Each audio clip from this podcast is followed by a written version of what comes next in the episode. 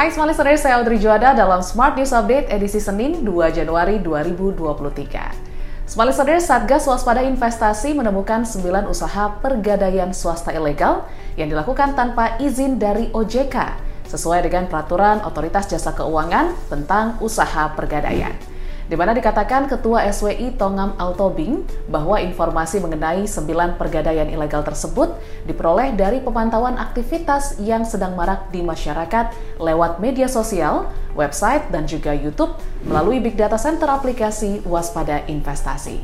Lebih lanjut, Tongam menuturkan dengan ditemukan sembilan usaha pergadaian swasta ilegal sejak tahun 2019 sampai Desember 2022 ini, SWI sudah menutup sebanyak 251 kegiatan pergadaian ilegal. Berita selanjutnya, Menteri Koordinator dan Investasi Luhut Binsar Panjaitan mengatakan bahwa digitalisasi mampu mencegah korupsi dan juga operasi tangkap tangan atau yang dikenal dengan OTT. Oleh karena itu, pelabuhan-pelabuhan di Indonesia harus melakukan transformasi digital.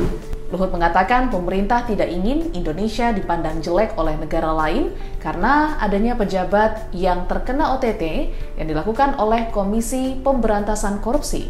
Ia pun menyebutkan negara-negara maju tidak lagi menerapkan OTT karena peralihan digitalisasi yang diyakini mampu mencegah korupsi di lingkungan pejabat pemerintah.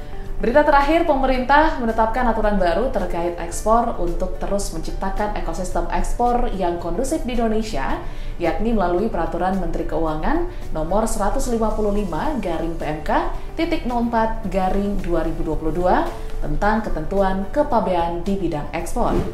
Direktur Komunikasi dan Bimbingan Pengguna Jasa Bea Cukai Kementerian Keuangan Nirwala Dwi Herianto mengatakan, PMK mengatur hal-hal yang lebih spesifik terkait proses ekspor barang seperti penegasan ketentuan dan juga mekanisme penyampaian pemberitahuan ekspor barang yang dapat dilakukan secara berkala untuk barang-barang tertentu, ketentuan ekspor konsolidasi, dan kewajiban konsolidatornya, serta menegaskan mekanisme penjaluran dan pemeriksaan barang fisik.